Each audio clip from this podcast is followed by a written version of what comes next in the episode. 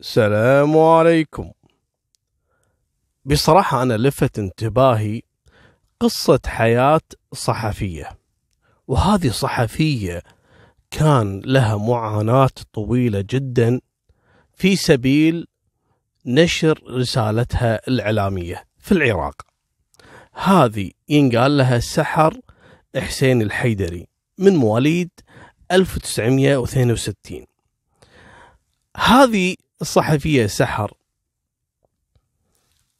من أسرة شيعية متزوجة من نقيب عسكري سني. يعني ما لها في أمور الطائفية أبدا. وعايشة في الموصل.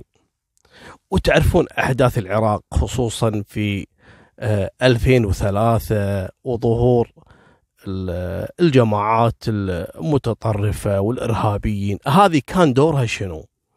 كان دورها محاربة التطرف وتكتب مقالات وتكتب كذا ودائما يجيها تهديدات. أيام ما كانوا الأمريكان أصلا موجودين في العراق تم محاولة خطفها من أمام البيت بفرقة أمريكية ومعاها جماعة مسلحة.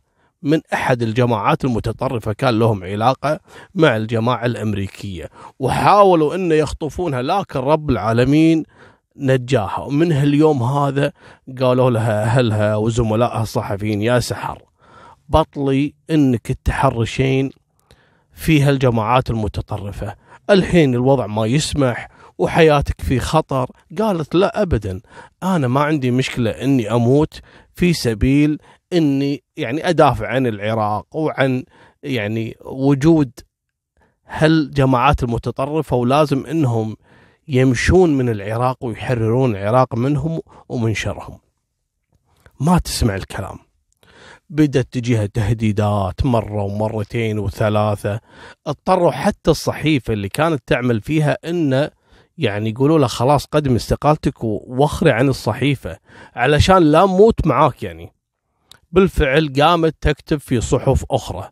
اضطرت أن تطلع من العراق وراحت عاشت في دمشق فترة من الزمن وما وقفت عن كتب المقالات ابدا. دائما تكتب عن الجماعات الجماعات كثيرة طبعا مرت على العراق من فترة من 2003 ل 2013 كانت عندهم هذه مشكلة مشكله الله ينجيهم إن شاء الله والله يسهل عليهم ترد عراق القديمة. مالكم بالطويلة. حر هذه العراقية الجنسية تحمل شهادة الماجستير في إدارة الأعمال وكذلك صحفية وكاتبة وعندها آراء جريئة جدا. اللي أيامها ما كان أحد يتجرأ داخل العراق يكتب مثل هالمواضيع هذه. واستمرت بكتابة المقالات الجريئة هذه في دمشق. لكن مو راضية تبتعد عن الشر. رجعت في عام 2007 كذلك إلى بغداد. ومن بغداد راحت إلى مسقط رأسها وين؟ في الموصل. كان عمرها أيامها يعني 45 سنة.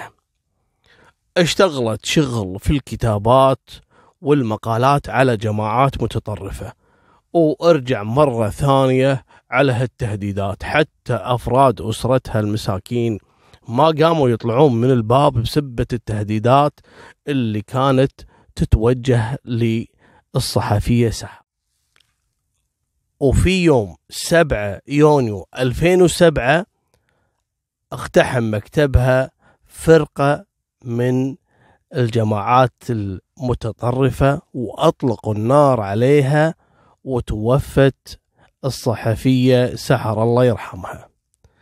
سوت ضجة كبيرة جدا في العراق.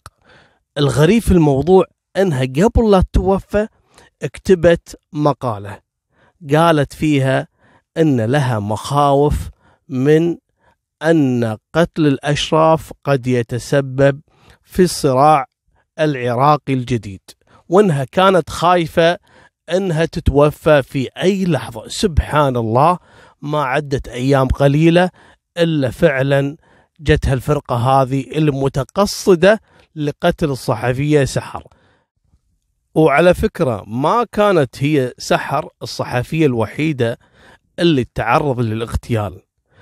أصلا سبقها عدد 107 صحفيين من الصحفيين والصحفيات.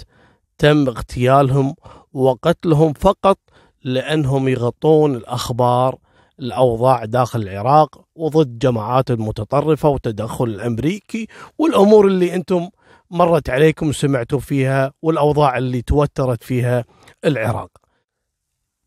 هذه كانت ذكرى تخليد لصحفية جريئة جدا اللي هي سحر الحيدري اللي خلد اسمها في العراق وتم تكريمها بعد وفاتها من قبل منظمة العفو الدولية وكذلك أكثر من جهة إعلامية عالمية قدمت لها الجائزة تقديرا لوفاتها غيابيا.